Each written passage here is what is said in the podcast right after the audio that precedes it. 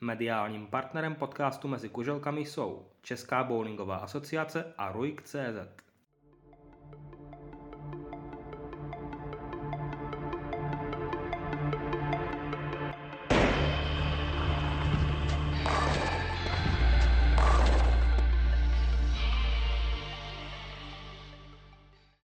Krásný bowlingový den všem posluchačům podcastu Mezi kuželkami. Jak již všichni dobře víte, moje jméno je Petr Hajs a já vás vítám u sedmého dílu. No a ten vlastně poprvé bude i malinko více technický, ale hostem nejprve na rozhovor je hráč pro bowlingu a také člen velmi úspěšné juniorské olomoucké generace Jakub Vlachovič. Kubo, vítej mezi kuželkami. Ahoj Petře, zdravím tě i posluchače. Jak jsem již říkal, my to dnes rozdělíme na dvě části. Ta první bude klasická, kterou znají naši posluchači, ta rozhovorová, no a druhá bude dneska více technická. Budeme se bavit o tom třeba, proč mají hráči více bowlingových koulí, nebo proč, když jí tu kouli točí, tak proč zabere až za nějaký moment. Teď ale se dostaneme k té rozhovorové části, kde jsi s bowlingem začínal. Tak já jsem úplně poprvé začal s bowlingem v Třinci. Měl jsem takovou malou hernu X bowlingovou ještě tehdy a s tím, že jsme s rodičema občas si chodili zahrát a jednou mě tam viděl Petr Roubalík, můj první trenér, který za mnou přišel a zeptal se mě, jestli bych to nechtěl zkusit jako sport. Tak jsem si říkal, jo, proč ne, já jsem do té doby hrál fotbal, ale ten bowling mě prostě nadchl. Začal jsem taky, hrál jsem chvilku rovně a pak jsem přešel na obou ruč rovnou. V čem je ten bowling jiný než uh, třeba fotbal? Pro mě určitě v tom, že se tam můžu projevit více jako jednotlivec. V fotbalu jsme prostě byli tým. I když jako v bowlingu samozřejmě taky máme tým, za který hraju a hrajeme společně, ale má to i tu odnož těch jednotlivců. Takže třeba sám si vnímal, že se chceš sám prodat a je pravda, že ono s tím trošku i souvisí to, že když člověk udělá chybu, tak to jde, tak to jde na něj. Zatímco třeba v tom fotbale, když je člověk útočník a udělá chybu obránce a někdo dostane gol, tak je to, že si člověk říká, že jsem to vlastně nemohl já sám nějakým způsobem zachránit.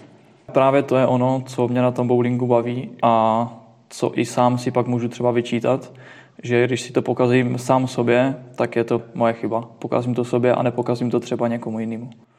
Kdyby si měl nějakým způsobem porovnat tu část jako jednotlivec v bowlingu a právě tu část, ve které člověk hraje v nějakém týmu, tak eh, jaké jsou zásadní a hlavní rozdíly mezi těmito dvěma kategoriemi v podstatě? Když hraju sám za sebe, tak eh, se soustředím jenom na svou hru, případně sleduju ostatní hráče, třeba využiju toho, jakou hraju lineu a podobně, ale zase v tom týmu je potřeba se hodně podržet i mezi těma hráčema Mám super tým, jsme perfektně sehraní a dokážeme si pomoct mezi sebou. A o to jde. Pomoct si, i když to třeba někomu nejde, poradit mu a podobně. Dostaneme se teď na začátek k tvé juniorské kariéře, která už je tedy zdárně za tebou, ale ty si během ní dokázal vyhrát snad úplně všechno, co v té juniorské kategorii vyhráde. Vyhrál si dvakrát mistrovství republiky, vyhrál si mistrovství republiky juniorských dvojic a vyhrál si i juniorskou extraligu. Vy jste tehdy jako Olomoucký Bowland byli extrémně silný tým, ve kterém byl ještě Honza Tříska, Matěj Vojkovský, Tadáš Salagvarda a Dan Grunda, jestli jsem vyjmenoval takhle všechny. Ano. Kde je ten důvod eh, pro to, že vznikla tak silná pětka, která byla velmi těžko k poražení? Tak myslím si, že to bylo tím přístupem toho centra, jelikož jsme hráli pod akademií Olomouckou a tam se o nás velice dobře starali. Měli jsme dvakrát do týdne dvouhodinové tréninky. Honza Spáčil jako trenér výborný vedl nás k tomu bowlingu a občas za náma dojížděl z Finska i Uhamaja, se kterými jsme měli třeba víkendové tréninky nebo celý týden, že jsme prostě nešli do školy a měli jsme prostě týdenní kemp právě s tímto trenérem. Takže si myslíš, že ty zahraniční zkušenosti můžou být tím důvodem, proč si třeba teď tam, kde jsi? Myslím si, že je dobré vyzkoušet si více trenérů, protože každý na to má jináčí pohled a od každého se můžeme naučit něco jiného. Jak Honza Spáčil, tak Petr Roubalík, tak Juha teďka podobně Ivan, každý na to má jiný pohled na ten bowling, každý to trénuje trochu jinak a člověk si prostě musí od každého vzít něco a nejlépe to nejdůležitější, co ten člověk učí. Já možná ještě doplním Ivano, o kterém jsme tady mluvili, Ivan Burian, trenér pro bowlingu, jenom pro ty, kteří eh, asi nemají úplně takové znalosti třeba. Cítil se s nějakým způsobem pod tlakem, když si přecházel do té dospělé kategorie, protože často to eh, bývá takové to nechci použít to kliše, že je dobrý junior, ale špatný hráč v dospělých, tak eh, Ty ses, eh, pokud to můžeme takto říct, dostal do té dospělé kategorie relativně ve velkém stylu. Máš eh, z letošního roku, teď už tedy z toho minulého, protože podcast už bude v roce 2022, ale my ho natáčíme ještě v prosinci 2021, tak máš právě z letoška bronz z mistrovství republiky jednotlivců, zlato s Liškou Krumerovou z dvojic. Takže cítil jsi, když jsi tedy před kolika třemi lety přecházel do dospělých nějaký ten tlak na sebe? Myslím si, že právě vůbec. Pro mě to prostě tím, že bowling, i když jsme sice junioři, tak hrajeme pořád s těma dospělýma. Hrajeme extraligu, kterou jsem třeba začal hrát v 15 letech a tam už automaticky hrajeme hned s dospělýma. Takže ten přechod do těch dospělých pro mě nebyl tak těžký, jelikož jsem tak hrál prostě od, od začátku. Já jsem jako hosta v jednom z těch předchozích dílů měl tvého dobrého kamaráda z Olomouce, Honzu Třísku. Vy jste byli právě, jak jsme se zmiňovali, těmi členy té extrémně silné olomoucké generace. Ty jsi z Olomouce odešel, dostal se právě do Hustopeckého pro bowlingu, stejně jako třeba Matěj Vojkovský. Tak eh, proč jsi zvolil právě Hustopeče? Já jsem to zvolil i podle toho, že jsem přecházel na vysokou školu, chtěl jsem jít do Brna a pro bowling Hustopeče jsou momentálně nejlepší tým tady v Brně a myslím si, že je jeden z nejlepších týmů v Česku. A pro mě to byla jasná volba, ty podmínky, které tam máme jako hráči, jsou úplně úžasné. Ivan se prostě o nás dobře stará. Možná, kdybyste to měl nějakým způsobem přiblížit, jak se o vás stará, jaké máte třeba výhody, jak to funguje? Tak tím, že Ivan tím bowlingem opravdu žije, tak on má u sebe doma na půdě postavenou třídráhu. Je to jedno z certifikovaných center Kegel a my se prakticky můžeme kdykoliv s ním domluvit na trénink, přijedeme tam, nemusíme za to nic platit, prostě už jenom to je velká pomoc, jelikož bowling je hodně náročný na peníze a to, že nás si hodně sponzoruje, je taky hodně super. Možná ještě další věc, přece jenom Ono musíme se podívat na to, že samozřejmě bowling může být drahým sportem, ale asi jaký sport není, kdy se dělá na té nejvyšší úrovni. Takže asi musíme uznat, že pokud by člověk chtěl dělat závodně hokej, tak v tom také, taky vlastně lidově řečeno zahučí strašná spousta peněz. Tak my jsme vlastně na začátku taky nepotřebovali mít hned plný arzenál deseti koulí například. Nekupovali jsme si tak drahé boty a podobně, ale s tím, že jsme třeba začínali se dvěma, se třema koulema a právě když jsme byli v Bowlandu, tak za každý titul mistra republiky jsme třeba dostali kouli. Potom nám Česká bowlingová asociace, když jsme třeba i na mistrovství Evropy juniorů, tak nám dala kouli, takže díky tady této pomoci vlastně nám to dost ulehčili. A teďka já už si třeba sám vydělávám peníze, chodím do práce, takže si dokážu obstarat ten materiál a ještě k tomu, tím, že hrajeme za Pro Bowling, tak Ivan nám taky na to dává nějaké slevy. Takže pro mě to není tak drahý sport, jako to může být třeba pro někoho, ale taky to nebylo hned. Musel jsem se nějak ukázat, musel jsem taky něco vyhrát, abych na sebe nějak upozornil a díky tomu jsem vlastně tam, kde teďka jsem. My jsme tady zmínili, nebo ty si to nakousl, že právě hraješ za Pro Bowling, který letos na mistrovství republiky opravdu zazářil bylo z toho první, druhé i třetí místo, tak eh, proběhla tam nějaká speciální oslava po tom turnaji, nebo, nebo jste si to oslavili každý sám? No, tak my jsme hned po mistrovství jeli společně na byt, tam jsme něco málo vypili, nějak jsme to oslavili. A týmově jsme potom hodně oslavili to mistrovství dvojic, jelikož tam jsme udělali taky strašně hodně medailí. A to jsme si pak zašli na společnou večeři. Ty se letos na tom mistrovství dostal do semifinále, takže si byl eh, autorem té bronzové medaile. To semifinále se tehdy hrál s Karlem Hladíkem. Co se tam tehdy pokazilo, nebo co se mohlo udělat lépe, aby si stal ve finále proti Jardovi Uhrovi ty? No, já si začnu úplně od začátku tím, že ten formát na těch 12 her jsem vlastně v sobotu nezačal úplně nejlíp. Mně to střední mazání jakoby moc nevyšlo, zahrál jsem tam nějakých 180 průměr a postupoval jsem z nějakého 30. místa. A věděl jsem, že budu muset opravdu zabojovat, abych do této bosmičky postoupil. A druhý den bylo jiné mazání, které mi vyhovovalo daleko víc. Zahrál jsem něco kolem 220, což mě asi opět kuželek posunulo do top osmičky a postupoval jsem z osmého místa.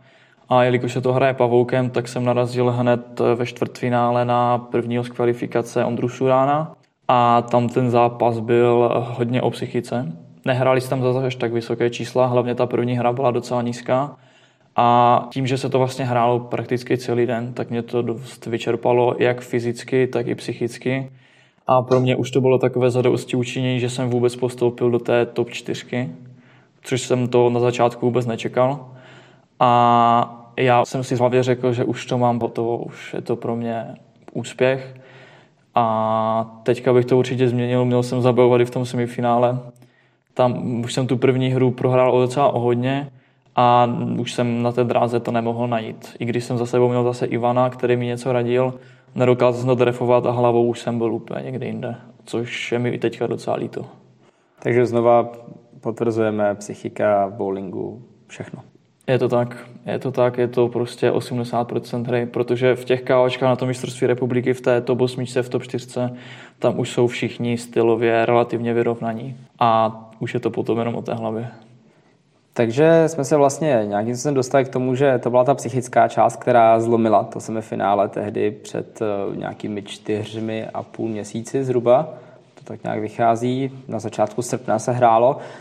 V letošní sezóně se vašemu týmu daří, nebo klubu teda nikoli v týmu, protože těch týmů má pro bowling víc, tak vašemu klubu daří i na té extraligové úrovni, ale mě by spíš zajímala otázka na to, že dnes, 19. prosince 2021, se mělo v Olomouci hrát mistrovství republiky pětičlených družstev, kde si troufám říct, že jste měli být jedním z hlavních favoritů. Tak jsi stejného názoru? Určitě. My teda jsme měli mít dva týmy. Jeden postupoval automaticky, jelikož před třemi nebo dvěma lety, jelikož to mistrovství už se hodněkrát odložilo skrz covid a podobně, tak pro bowling jednička obhajoval titul mistra republiky. Já jsem teda v tom týmu ještě nebyl, já jsem v pro bowlingu vlastně byl až po tom, co oni ten pěťák vyhráli. A i teďka jsem měl být v té pro bowling dvojce, která měla hrát teprve tu baráž. A myslím si, že máme oba dva týmy velice silné na to, aby se třeba potkali ve finále. Možná můžeme doplnit, že právě jsme se bavili o Matěji Vojkovskému, ale přišla k vám do pro bowlingu i Eliška Krumerová, další hvězda, kterou jsme mimochodem před dvěma díly s Ludskou vybrali za nejlepší hráčku roku 2021. Shodli jsme se na tom. Možná se tě zeptám na to samé. Shodl by se s námi na tom, že Eliška Krumerová byla v roce 2021 nejlepší ženou eh, českého bowlingu? Stoprocentně ano. Není to jenom tím, že jsem její spoluhráč na dvojce a tím, že spolu hrajeme extraligu, ale Jde u ní vidět největší posun, největší úspěchy, medaile z mistrovství Evropy, v dospělých ženách dvě zlaté medaile ve dvojicích. Myslím si, že momentálně v Česku nemá konkurenci, jen potřebuje více zkušeností, hlavně z toho zahraničí. A myslím si, že se máme na co těšit a rád bych ji viděl třeba v PVBA. Mě napadla jedna otázka, která s tím letím souvisí, a to je ta, že v poslední době začíná čím dál tím více dětí a mladých lidí eh, hrát bowling. Čekáš třeba do pěti let nějakou, a teď to uveďme do velkých uvozovek, spouru mladých, opravdu té nové generace, která vystřídá, ať už je to mezi juniorkami eh, právě Eliška Krumerová nebo Andrea, které by mohly vystřídat takové ty jména jako Petra Otec Hanzlovská nebo Linda Vondráčková. No a mezi muži mě napadá teď už eh, asi Lukáš Jelínek, který Možná bychom ho mohli klidně zařadit jakožto nejlepšího hráče Česka, ale eh, společně i třeba s tebou nebo i s dalšími mladými hráči, ať už to mohou být opravdu i ti junioři, Tomáš Vacek nebo Vašek Kordulí, kteří se dostávají postupně nahoru. Takže ještě jednou zopakuji otázku. Myslíš si, že teď přijde vzpoura mladé generace, která vystřídá tu v úvozovkách starší? Já si myslím, že to už dávno začalo. Myslím si, že už od roku 2016 Honza Macek, Jarda Lorenz, ti mladší hráči ukazují to, že je ten bowling baví, chtějí se o to zajímat. Myslím si, že nabírají víc a víc zkušeností a hlavně se vzdělávají bowlingově. A to si myslím, že teďka odlučuje tu mladou generaci od té starší. A myslím si, že na příští mistrovství republiky v top 8 bude třeba 7 z 8 hráčů do 25 let. Možná ještě přemýšlím nad tím, protože v té moderní dnešní době se hodně zavádí ty nástroje typu Specto a několik bowlingových pomůcek. Na to je samozřejmě eh, existuje video, což je podle mě pro bowling strašně důležitá věc, aby se ti hráči dívali na sebe, mohli se analyzovat. Tak dáváš to také za nějakou, no, nikoli za vinu, ale za důvod tomu, že právě existují ty moderní komponenty a ty moderní nástroje k tomu, aby se ti hráči mohli zlepšovat. Určitě to tomu bowlingu pomohlo hrozným způsobem. Já to vidím i na sebe, že vlastně za ten rok, kdy teďka trénuju v pro bowlingu a my tam máme prakticky všechny ty nejmodernější techniky, které se dají v dnešní době získat.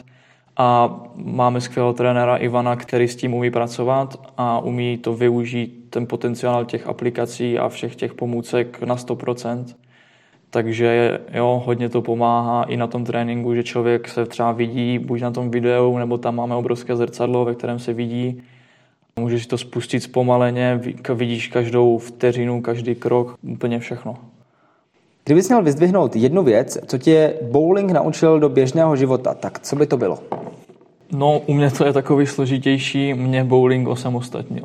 Jelikož já jsem se v 15 letech přestěhoval do Olomouce, kde jsem bydlel na intru a tím, že jsem od 15 bydlel sám, staral jsem se o sebe, tak mě naučil hodně samostatnosti.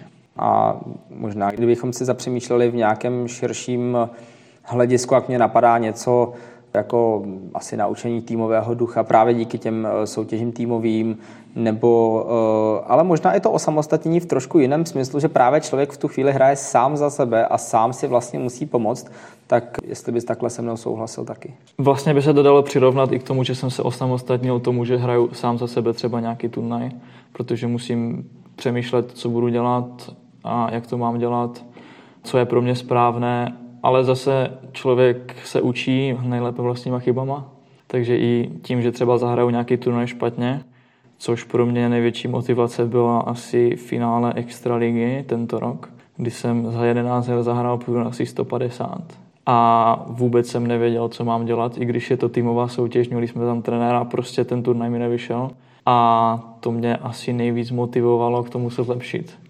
Spousta lidí, když eh, kouká na streamy České bowlingové asociace a vidí tebe hrát, hlavně jsme to asi viděli na mistrovství republiky, tak mně přijde, že když se řekne Jakub Vlachovič, tak mě vyskočí emoce. Protože ty to nebojíš dát najevo. Tak vnímáš to nějak eh, u sebe, že potřebuješ eh, třeba po buď už povedeném nebo nepovedeném hodu nějakým způsobem vyventilovat to, co v tobě je? Emoce ke mně prostě patří. Je to jedna se součástí mé hry. Třeba nejsem emotivní na, na, jakoby na klasických turnajích, ale třeba to mistrovství republiky, tam se člověk musí soustředit na to a musí tu hlavu mít v nějaké pohodě. A mě třeba pomůže, když po čtyřech strajcích si prostě zařvu, mám z toho radost a to moji hlavu udržuje v nějaké koncentraci. No a na závěr té první části otázka. Viděli jsme v roce 2021 toho nejlepšího Jakuba Vlachoviče do té chvíle, co teď hraješ? Myslím si, že jo, tohle to byla jedna z mých nejpovedenějších sezon, ale doufám, že přijdou sezóny ještě lepší, jelikož ještě toho můžu dotáhnout, dosáhnout strašně hodně. To je všechno pro tu rozhovorovou část, kterou jsme si vytyčili, že bude právě ta první. No a teď se pojďme podívat, no, pojďme se přesunout k té více techničtější, protože i to bude eh, nově podcast mezi kuželkami přinášet. Když se například někteří ne úplně nezaujatí, ale třeba rodiče dětí nebo samotné děti dívají na právě ty streamy České bowlingové asociace, tak vidí, že každý hráč má jinou kouli, případně jeden hráč hraje více různými koulemi. Tak proč tomu tak je? Tak eh, má to hodně společného s tím, že hrajeme na nějakých mazacích modelech a jelikož každý ten mazací model je jiný, tak musíme proto mít i více koulí. Samozřejmě to neovlivňuje jenom ten model, ovlivňují to i třeba centra, na kterých hrajeme, podmínky, na kterých hrajeme, to po kom jdeme hrát, jelikož ten olej se strašně mění v průběhu té hry. A jelikož my třeba na prestiži každou hrou měníme dráhu, nebo po každé hře jdeme na jiný pár dráh, jdeme po někom jiném, tak potřebujeme větší arzenál koulí, protože ten olej, jak už jsem říkal, tak se mění a člověk musí znát ten svůj arzenál, musí vědět, kdy má co vytáhnout a když toto se naučí, tak je schopen zahrát neskutečně vysoká čísla. Proč vlastně existuje něco jako mazací model? Tak ono se to, vlastně to začalo tak, že nějaký ten první olej byl na té dráze proto, aby se ta dráha tolik neníčila. Potom se přišlo na tom, že přišlo se na to, že když se třeba takovouhle točí a ten olej by tam nebyl, tak takovouhle by zabrala hned a půl každé by skončila ve žlábku. Takže tím, že tam ten olej je, tak to dovolí té kouli se po délku toho mazacího modelu klouzat po tom oleji a potom, když z toho oleje vyjede, tak teprve začne zabírat, je tam nějaká ta reakce. A to právě můžeme vidět i na té dráze, že vlastně ta koule relativně do dvou třetin prostě jede rovně a potom zahne. To je to, jak eh, opustí ten olej. Možná, když jsme hráči, kteří si třeba budou zahrát rovně, respektive tedy ne, ale někteří naši posluchači, kteří prostě přijdou a je to takové, to půjdu to tam hodit rovně a trefím prostřední kuželku, tak v čem je ten rozdíl mezi, nebo možná se tam jinak, proč se takovouhle točí, nebo proč se roztáčí takovouhle? Tak zase to má i nějaký vě, svůj vědecký původ. Tím, že ta koule se točí a výjíždí do těch kuželek pod správným úhlem. Já teďka asi úplně dokážu říct přesně ty čísla. Je to na nějakou, sedm, nějakou sedmnáctou parketu mezi pro praváka první a třetí kuželku, pro leváka pro první, mezi první a druhou kuželkou. Je vlastně pod tím správným úhlem tak pokud to hráč takto trefí, tak má daleko větší pravděpodobnost, že hodí strike. Samozřejmě i tím, že se ta koule točí, tak se stává, že ten člověk nemusí hodit nějak extrémně hezký hod nebo se nějak dobře trefit a i tak to spadne. Samozřejmě to je u té roviny, ale u té roviny je to daleko větší náhoda. Proto třeba si nejsem vědom toho, že by v Česku byl nějaký rovinář, který by hodil třístovku. Kdežto máme v Česku stovku hráčů, jestli ne i víc, kteří už tu třístovku mají a nejenom jednu. Myslíš tedy tě, těch, kteří točí? Těch, kteří točí, samozřejmě. Právě to točení je možná trošičku fenomén té poslední doby, protože když se začínalo s bowlingem před dejme tomu nějakými 150 lety s nějakým tím moderním bowlingem, tak to právě bylo všechno házení rovně. A ještě teď eh, další otázka na to. Eh, spousta lidí teď přechází na ten obouruční styl. A mně přijde, že to je hlavně z toho důvodu, že ještě tím se zvětší ten úhel. Ještě tam ta kole přichází pod větším úhlem, tedy, jak jsi říkal, je tím pádem větší šance na strike. Tak eh, souhlasíš s těmi názory, že ten obouruční styl je budoucnost moderního sportovního bowlingu? Myslím si, že jo. A je to i tím, že vlastně, když začínají děti, na což teďka právě cílíme, tak pro ty děti je to lehčí tu kouli držet ve dvou, ve dvou rukách a roztočit tu kouli jenom těma dvěma prsty. Je to pro ně lehčí, jak z fyzického hlediska, tak daleko rychleji si tu kouli naučí roztáčet, i když třeba špatně, ale aspoň vidí, že se jim ta koule nějak točí a je to pro ně lehčí. Samozřejmě při obou ručí má člověk e, daleko víc od, eh, otáček než u jednoruče, ale někdy je to na škodu. Jsou třeba nějaké mazací modely, kdy člověk, který má strašně hodně otáček, tak má velké problémy na tom hracím modelu třeba zahrát, ale tak to je zase jednotlivec od jednotlivce. Je možná pravda, že pokud to vezmeme z toho až, až úplně nej, nejjednoduššího hlediska, tak eh, když eh, si menší dítě hodí ten obouruční tak ono se to točí a to je strašně krásné, že jo? protože najednou to nejde rovně a ta koule něco dělá, je to strašná zábava. Takže možná i díky tomu, ale ještě další věc, a to jsou právě ty mazací modely, protože my když eh, hrajeme, nebo hlavně vyhrajete, protože já se v poslední době spíše tedy zaměřuji na komentování a soustředím se na to, jak vyhrajete a nechávám vás hrát, protože jste lepší než já. Tak ten mazací model má nějaké barvičky, jsou tam nějaká čísla, spousta zajímavých věcí, tak eh, co tam vlastně znamenají ty barvy, co tam znamenají ta čísla a jak se s tím pracuje? No, myslím si, že je to taková velká neznáma pro hodně hráčů. Jelikož naučit se číst mazací modely vypadá strašně složitě, ale ono to tak složitý není. Tam jsou čtyři takové důležité věci, na které se člověk dívá. Ten první je, jak je to dlouhý to mazání, potom kolik je tam toho oleje, Třetí věc, což zase možná tolik lidí nepoužívá, já třeba ano, jestli ten, kolik je tam dopředného oleje a zpětného oleje, vlastně jak ta mazačka jede dopředu, kolik nanáší oleje a kolik nanáší oleje, když se vrací zpátky. A jako poslední ještě potom, jaké má to mazání rátio. Je to vlastně taková obtížnost toho mazání. Možná ještě doplním tedy ze sebe, že ta bowlingová dráha jako taková má 60 stop a ta čísla se pohybí někde mezi 35 až 45 stopami u těch mazacích modelů. Je to taková běžná délka, ale jsou nějaký extrémy. Myslím, že nejdelší mazání nějakých 52 stop, ale to se hraje jenom v Americe na jednom speciálním turnaji.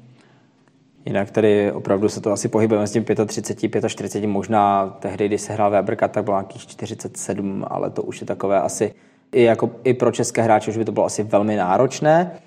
Takže další věc, asi když já jsem tedy hráč, který točí, nebo mám někoho, kdo točí, tak eh, to asi nefunguje tak, že bych přijel na turnaj a 15 minut před tréninkem jsem začal zjišťovat, jaký je tedy ten mazací model. No, měl bys to vědět už třeba předtím, než jedeš na ten turnaj.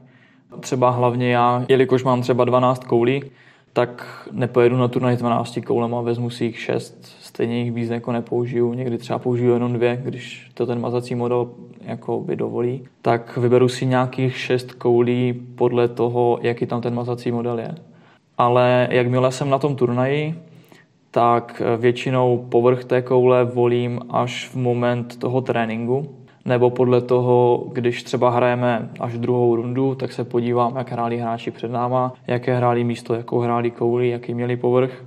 A rozhoduju se vlastně až v tréninku. U mě to většinou bývá tak, že prvních pět minut nějak zjišťuju, jak se to mazání chová, jelikož sice může být nějaký, nějaký papír, podle kterého bychom se měli orientovat, ale závisí na strašně hodně faktorech, podle toho, s kým hrajete na dráze a co on používá za arzenál koulí, podle toho, jaké to je centrum, protože je to prostě rozdíl hrát buď v Olomouci, v Brně, v Pardubicích, všude jsou nějaké jiné podmínky, co se týče třeba teploty, a nebo tam mají prostě jinou mazačku, i když teďka vlastně na ty největší české soutěže má Česká bowlingová asociace vlastní mazačku, která se používá na všech těch centrech, ale není dobré si připravovat koule podle toho, co je na papíře, ale co je na té dráze je prostě dobrý si to v těch prvních pěti minutách tréninku vyzkoušet a po těch prvních pěti minutách už by člověk měl vědět, s čím bude hrát a jaký má zvolit například povrch nebo podobně.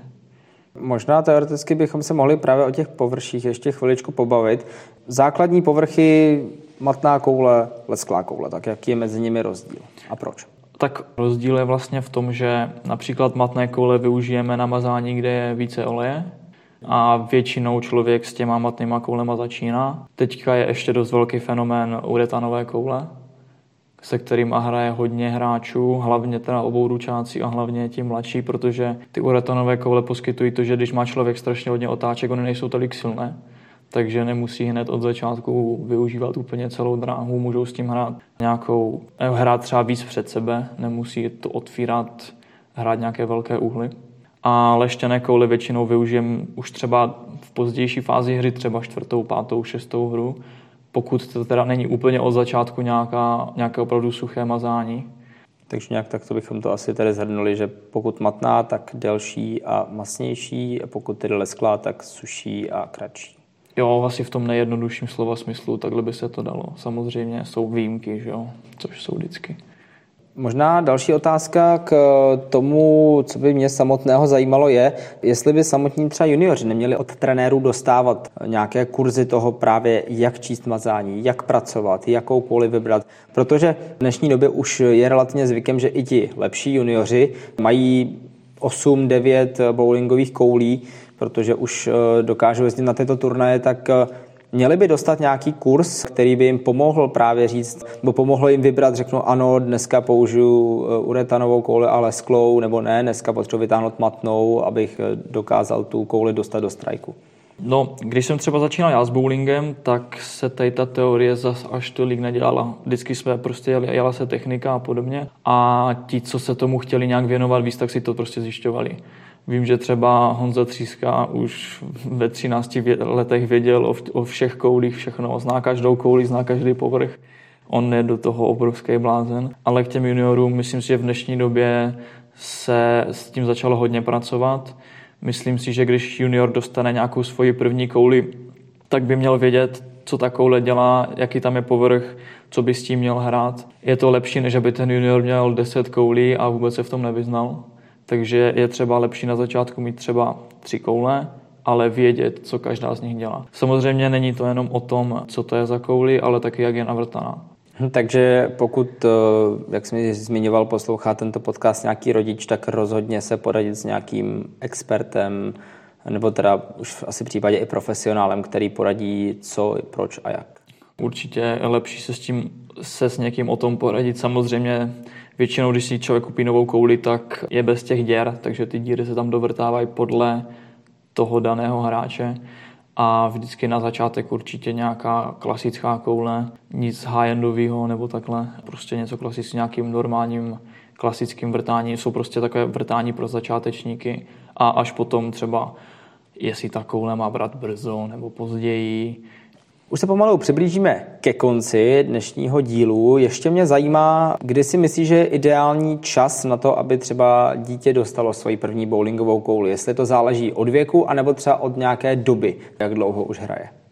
Tak myslím si, že je lepší, kdyby hned začínalo s nějakou koulí, která mu sedne do ruky. Takže začít třeba tím, že si koupí hned jako první kouli do hosku a naučí se roztáčet tu do hosku aspoň. Asi tak nějak. Takže nějakým způsobem pracovat s tím hned od začátku, respektive možná si po nějaké té době, kdy se opravdu ověří, že tě to baví, tak asi potom už je asi nejvhodnější kupovat nějakou, nějakou začátečnickou kouli, samozřejmě asi s prvními botami, tak aby, tak aby tam byly ty nějaké ty základy hned od začátku. No, u těch, u těch bot je takový problém s tím, že tomu dítěti pořád roste noha. Takže ty boty si myslím, že třeba do nějakého věku 11-12 let může používat i erární, ale samozřejmě potom, pokud se hra na nějaké vyšší úrovni, tak už samozřejmě vlastní boty, první excentrická koule a podobně. Kdybys měl eh, popsat cestu juniora, třeba až do juniorské reprezentace, tak co všechno musí absolvovat? Samozřejmě, když pomineme asi relativně časté tréninky. Tak určitě musí mít motivaci k tomu se do té reprezentace dostat. Mít nějaký nějaké svoje ambice, co bych chtěl dokázat, s tím bych asi začal.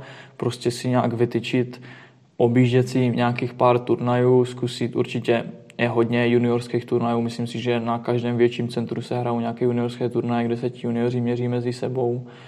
Potom určitě se dostane do nějakého týmu, který hraje buď první juniorskou ligu nebo juniorskou extraligu. Tam se zase může měřit s těma svýma vrstevníkama. Potom určitě po nějakých dvou, třech letech třeba začít objíždět ty turnaje i těch dospělých, aby si to vyzkoušel a když se ukáže na těch turnajích s těma dospělýma, je to potom lepší i pro něho, jak se může vlastně do té reprezentace dostat, pak jde víc vidět.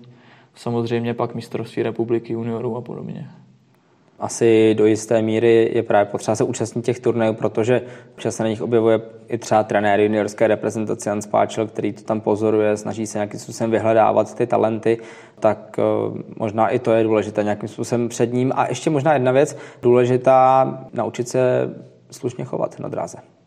To je taky jedna z věcí, která je určitě potřeba Ono, já třeba osobně jsem nebyl vždycky úplně ten nejhodnější na té dráze, ale samozřejmě s věkem přichází zkušenosti a je potřeba to těm dětem ukázat už od začátku.